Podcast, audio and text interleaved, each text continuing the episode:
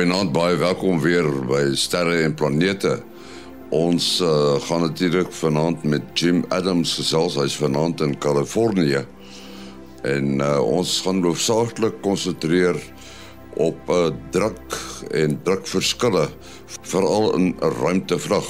Dis nou 'n aanduiding van die tragiese ongeluk van die Titan, die duikboot waarin die mense omgekom het. Uh, Jim, everybody knows about the Titan uh, tragedy where people were killed in the deep ocean, a very unforgiving environment, and they were killed by an implosion. Now, when you talk about space, uh, exactly the opposite happens. It's also very unforgiving, but then you get an explosion, isn't it? Yeah, yeah, that's true, Henny. They, uh, the pressure for, from, for example, the International Space Station or the SpaceX Crew Dragon or um, the Orion capsule, that it all wants to um, push out into the vacuum of space. Whereas with the Titan tragedy, um, they were down very deep, and it was the mass of the ocean trying to crush this vehicle. Yeah. Now, let's take an example like a space capsule. I mean, that has its own pressure. That's in bars or PSIs, is it? Yeah, yeah. So um, I I think in PSIs, but I, you know I can mentally convert to bars roughly. Um, so the the International Space Station, the SpaceX Crew Dragon, and the Orion modules, they all operate at about one bar. There, there's sometimes some minor differences between them, but they're not. It's it's not like they're operating under extreme pressure on the astronauts. That they're designed to be pressurized to roughly sea level, which is what one bar is. If you compare that to the pressure in an aircraft, so in, in an aircraft, uh, once you um, get above eight thousand feet, at least in the United States, the uh, an aircraft is pressurized to the pressure that you would experience at 8,000 feet. It's a little less. And that's one of the reasons why, uh, as you're ascending and descending in an airplane, your ears want to pop because uh, your internal systems are trying to equalize the pressure. Now, Jim, if there's an accident up in space and uh, there's a leak in the system, where air flows out. What happens then with the uh, astronauts? Yeah, yeah. So, um, see, the let me back up and let's talk about Titan for just a quick second. The the, the pressure on that submarine was so extreme. Um, it was 380 bars, right? That's 380 times the atmospheric pressure we have at sea level. Um, and and what that meant was when there was a failure, it was instant. And for those listening, the, the crew probably never even knew um, that there was a failure. It, it happened so fast. In the International Space Station, let's use that as an example, the pressure uh, pushing outward on the shell of the space station into the vacuum of space is a great deal less. It's one bar. It's uh, it's designed to be roughly sea level atmospheric pressure. And so, what happens is if you get a leak, and there have been sometimes leaks on the International Space Station, um, you get a warning. You have a knowledge that the pressure is going down, unless it's catastrophic, like you get hit by a mm, space debris or um, or meteorite or something. But if you get if this if the metal of the shell starts to wear out or there's some sort of fault in the metal, you'll get an indication. And believe it or not, they actually have patch kits. So um, if they can find the leak fast enough, then then they they place a patch over it on the if they can get to it on the inside of the space station which of course is the place you'd want to put a patch because the pressure from the space station would then push the patch against the fault, and um, and then they can carry on and and figure out what to do from there. the leaks that I'm recalling have been on the Russian module. Uh, it's quite a bit older than than the um, uh, than the U.S. modules, and so yeah. So from time to time, uh, you hear about a pinhole leak that was maybe a manufacturing fault or something like that. If the if the depressurization is not controllable, then every crew member on board the International Space Station has a seat in a return vehicle. And they have rehearsed procedures to go get into the return vehicle, close the hatch, and at the appropriate time separate from the International Space Station so they could return to Earth. That's one of the challenges. Is crew safety is one of the challenges as we go deeper into space because if we go to the moon, it's not a 90 minute return to Earth, it's three days. Or if we go to Mars, you aren't coming back. If there's a failure in orbit around Mars, you probably are, are going to want to go to the surface of Mars rather than uh, try and return home. So anyway, it's a very different kind of situation. You know, if you want, we can talk about certification and how we certify these pressure vessels um, for space use. But generally speaking, if there's a tiny leak, and that's what they tend to be, then uh, the astronauts have time to figure out what's wrong and fix it. Yeah, of course, the problem with when you when you when you get a tiny leak under uh, under the ocean, um, it it becomes a water jet, uh, and we, we, use water jets on Earth to cut metal. So, what yeah. basically happens is that the moment there's a tiny leak, it it immediately becomes a big leak. It's like like like a dam wall breaking, isn't it? Yes, but at, at 380 bar, the, um, yeah, the, whole, the whole thing just was catas- catastrophic. Yeah. Exactly. Yeah, yeah, yeah, um, yeah. That's a blessing and a curse, I suppose. Yeah. Exactly. Uh, yeah. Yeah, you often see in the movies in a submarine when there's a problem, the water is yeah, coming in, but at a very, very big speed, is it? Yeah, yeah. Um, and generally speaking, that would happen if the submarine was able to get closer to the surface. But if it's deep, like on the ocean floor, um, I believe the Titan was down at 12,500 feet. I don't know what that is in meters. Somebody could do the math, I suppose. 3.8 um, kilometers, 3,800 km. Yeah. An yeah. incredible depth. Yeah, it's not at all like you see in the movies. That's right. I, I, have a small story to share. Um, when I was growing up in the 60s, my father was part of the team that helped to de- design the Apollo lander, the lunar excursion mm-hmm. module, which itself was a pressure vessel, you know, because Aldrin and, and um, Armstrong had to be obviously kept alive. So, and all the other astronauts that followed him. And I remember in the in the middle 60s like 67 or so my father coming home from work he was a structural engineer he would come home from work and all upset because he'd been to these design meetings and i remember one night i said you know what is wrong and and he said look those astronauts are going to die this this the wall of this module he said it's made out of aluminum foil years later, I came to understand that my father was exaggerating because he was just frustrated. But, you know, engineers worry about that sort of thing. Um, exactly the kind of thing that, um, that we worry about today. Uh, the difference between the Titan and the International Space Station is that the Titan was made out of carbon fibers, like fiberglass, woven together with resins and um, and carbon, with you know, carbon fibers, which are um, much stronger than like fiberglass. But uh, but it still is a kind of an unproven method for making submersibles. Um, we use it in boats all the time, and and we and we use carbon fiber a lot on space vehicles, but we don't use them to make the kinds of pressure vessels we'd put humans in. We uh, we did um, prove out a carbon fiber propulsion tank for a spacecraft um, years ago, and that was uh, we, we, proved that we could do it. it might have even, if I recall correctly, it might have even had an aluminum liner on the inside.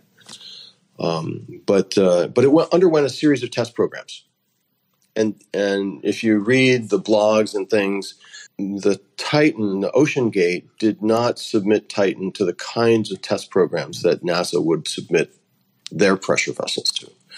So uh, so I, am sure there's going to be a, a Canadian and a U.S., maybe even an international investigation into how to move forward uh, as uh, people get more and more interested in, in exploring the oceans. Yeah, as in as a point of interest, there's actually a guy on YouTube who I follow, uh, a, a, crowd in Australia, I think, and they make water rockets. At some stage, I was it's quite an interesting educational toy, as you may know. Yeah. And um, so they've they, in the old days, you used to use um, cool drink bottles, the the uh, buttered PET plastic. It's quite a strong thing. I mean, a normal cool drink bottle can withstand 10 bars of pressure and that's to do with the filling process although when it's when it's when it's got the gas in it's not under that much pressure but but those bottles are extremely strong. And and they've they've gone up to the point where they started going to carbon carbon fiber as well. And if you if you look at the rigorous testing they put that through. And of course the the, the big thing is when you interface it with a different a different material. So here we had correct right. a a 100 millimeter 5 inch thick uh, carbon fiber body, but it had two titanium spheres on the ends.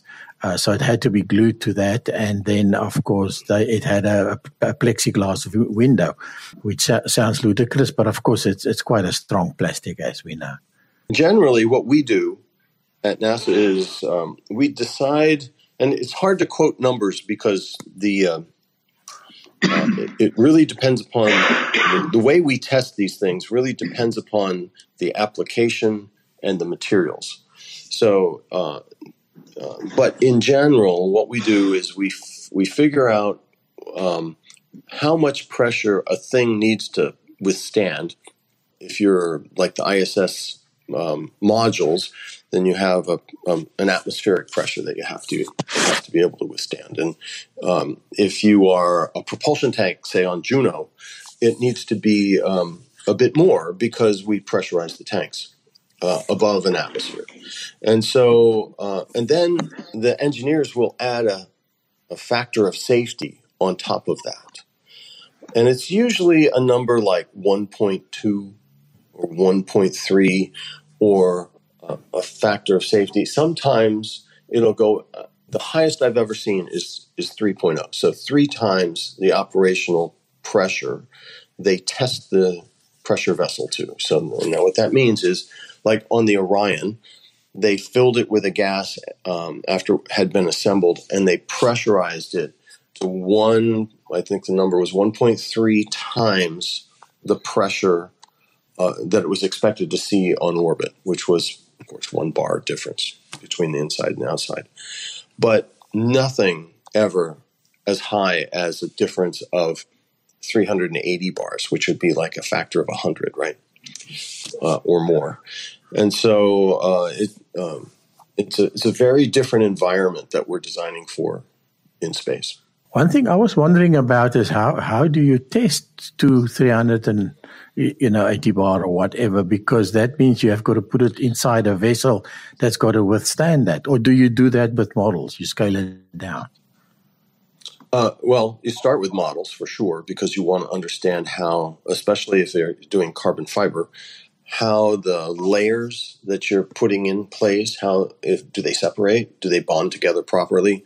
How do they perform under pressure? And as like you pointed out, Vili, um, if you have interfaces the coefficient of expansion is different uh, between the two materials, and uh, and that's a, actually a real dangerous spot uh, for leaks and that sort of thing.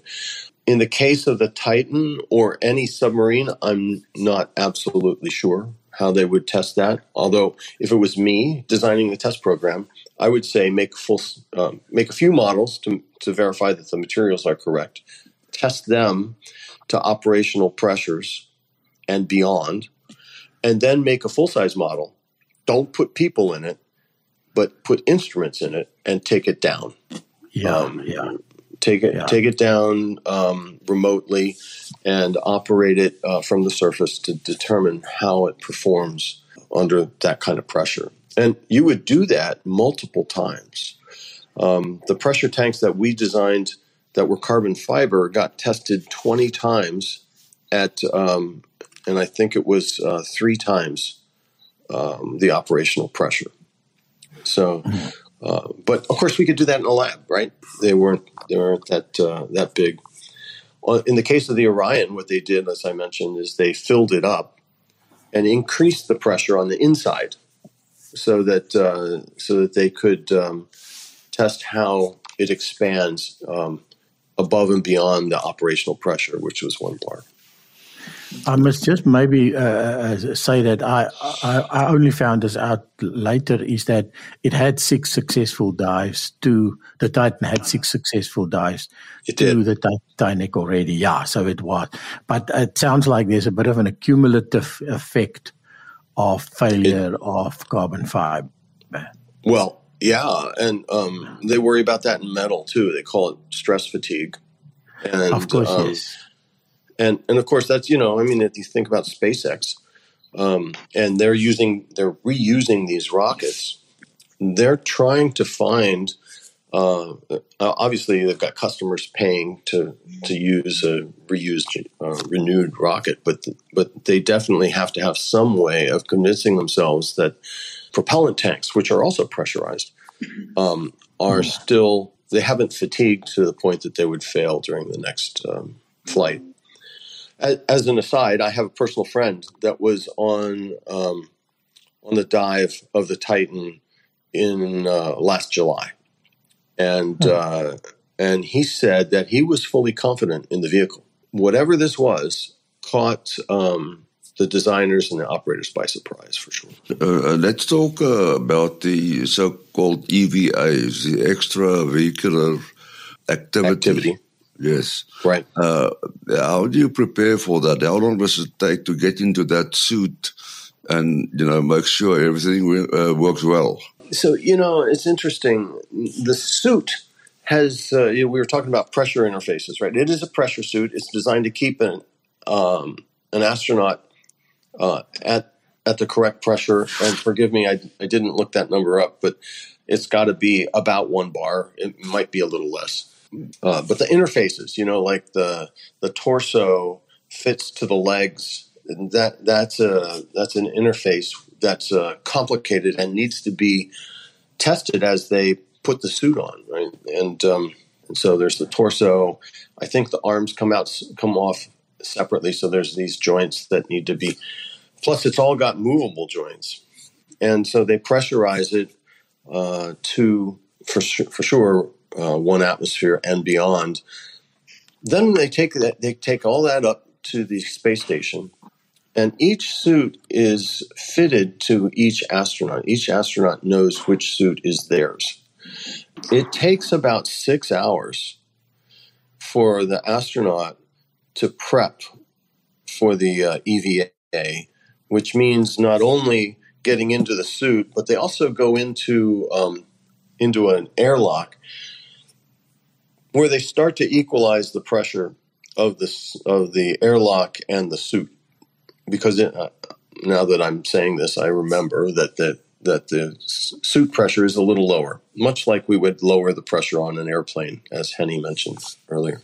Mm-hmm. But yeah, it's like a little pressure vessel itself with all these different interfaces on, with arms and legs and helmets and that sort of thing. Jim, I just uh, want to, as a physicist, uh, always a good idea to get a feeling for quantities and under different conditions. And in this case uh, of relevance, of course, the, the pressure. Uh, so one can have inward pressure for uh, in the case of submarine or outward pressure uh, in the case of uh, pressure vessels or boilers and again inward pressure in the case of uh, uh, yeah of course in the case of spaceships it's outward pressure of around one bar when one think about going under uh, water uh, to large depths each 10 meters corresponds to about one bar And in mm-hmm. the case of the Titan, it uh, was at a, uh, a, depth where the pressure was around 400 uh, atmos- atmospheres, which is considerable. Right. Now, to, to put that in engineering terms, it would be around 6,000 pounds per square inch. That's now in the imperial unit, 6,000 pounds per square inch.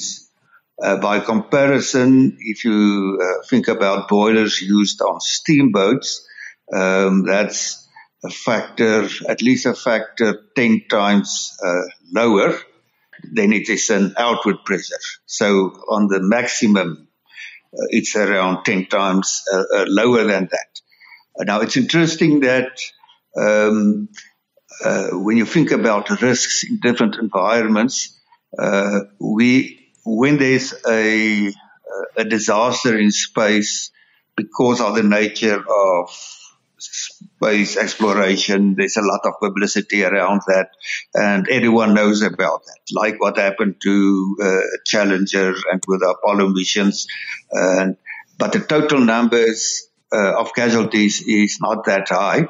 And if you think about casualties in submarines, which is a routine operation, but it's not public, but uh, it's not in the public. We don't know about that most of the time. Uh, but just in recent years, there have been uh, quite a few accidents 2021, 2017, 20, 2008. And in uh, most of these cases, there were tens of people uh, uh, dead in, in each accident. Uh, that just show that there's a large risk associated with uh, with submarines, even the conventional ones, not an experimental one like the uh, Titanic. And uh, if one go further back in the earlier years of, uh, of steam engines and boilers, um, one of the worst pressure vessel, vessel or boiler accidents uh, in history was just at the end of the Civil War in America. This, uh, the Sultana steamboat, there was uh, an enormous explosion on 27 April 1865.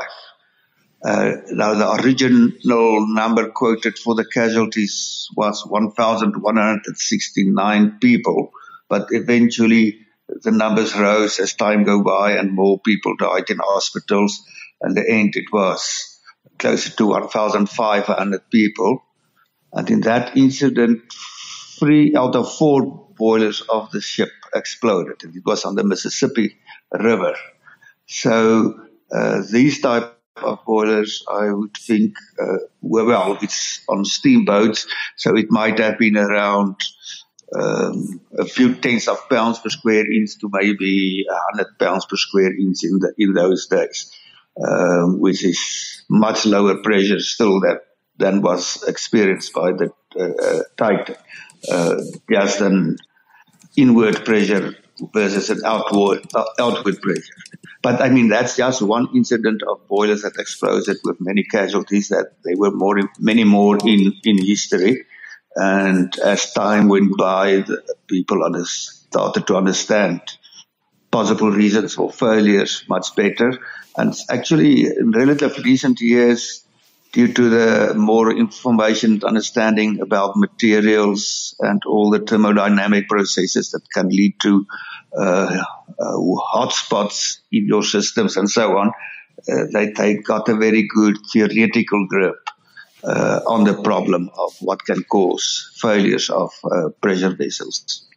We rely on pressure and pressure differences to do a lot of work around um, around us, right? You know, mm-hmm. the common thing is you have to keep your tires inflated, right? and uh, uh, and as you point out, uh, pressure vessels on on steamboats and that sort of thing.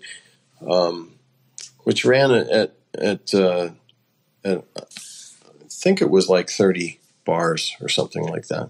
But the immediate reaction, at least from the communities I'm involved in, was well, what do what will we learn from this Titan tragedy as we move forward into the um, commercial space environment. So, you know, now we're talking about having private space stations and private tourism to the moon and that sort of thing. And, and is, is there something to be learned from this, tra- like I said, tragedy uh, as the uh, space economy begins to continue to emerge? And, and there's all kinds of other things that are, that are on the books, you know, the, um, uh, there's there's one company that wants to put you in a pressure vessel and fly you to the edge of space. Actually, it's not really the edge, but that's what they'll tell you.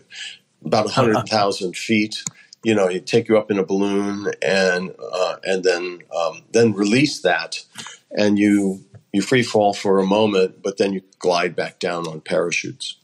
That's got some inherent risks in it, just like skydiving and and uh, ocean diving and and scuba diving and all that sort of thing. But we the uh, there will be obviously pressure differences and and I think there'll be fallout from this um, tragedy as the world community comes together and says, you know, we need to understand this better.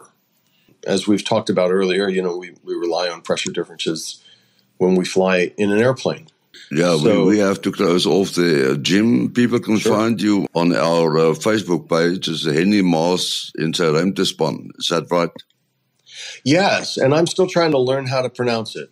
So no, we'll, I love answering answering questions on the Facebook page, um, and uh, and certainly please uh, please feel free to ask me, and I'll respond as quickly as I can. Okay, buddy. Uh mense kan maar WhatsApp verkieslik 0724579208. 0724579208. Mati 0836257154. 0836257154. En onthou die program se e-posadres is sterreplanete@gmail.com. sterreplanete@gmail.com. Volgende week is ons terug. Tot dan, alles van die beste.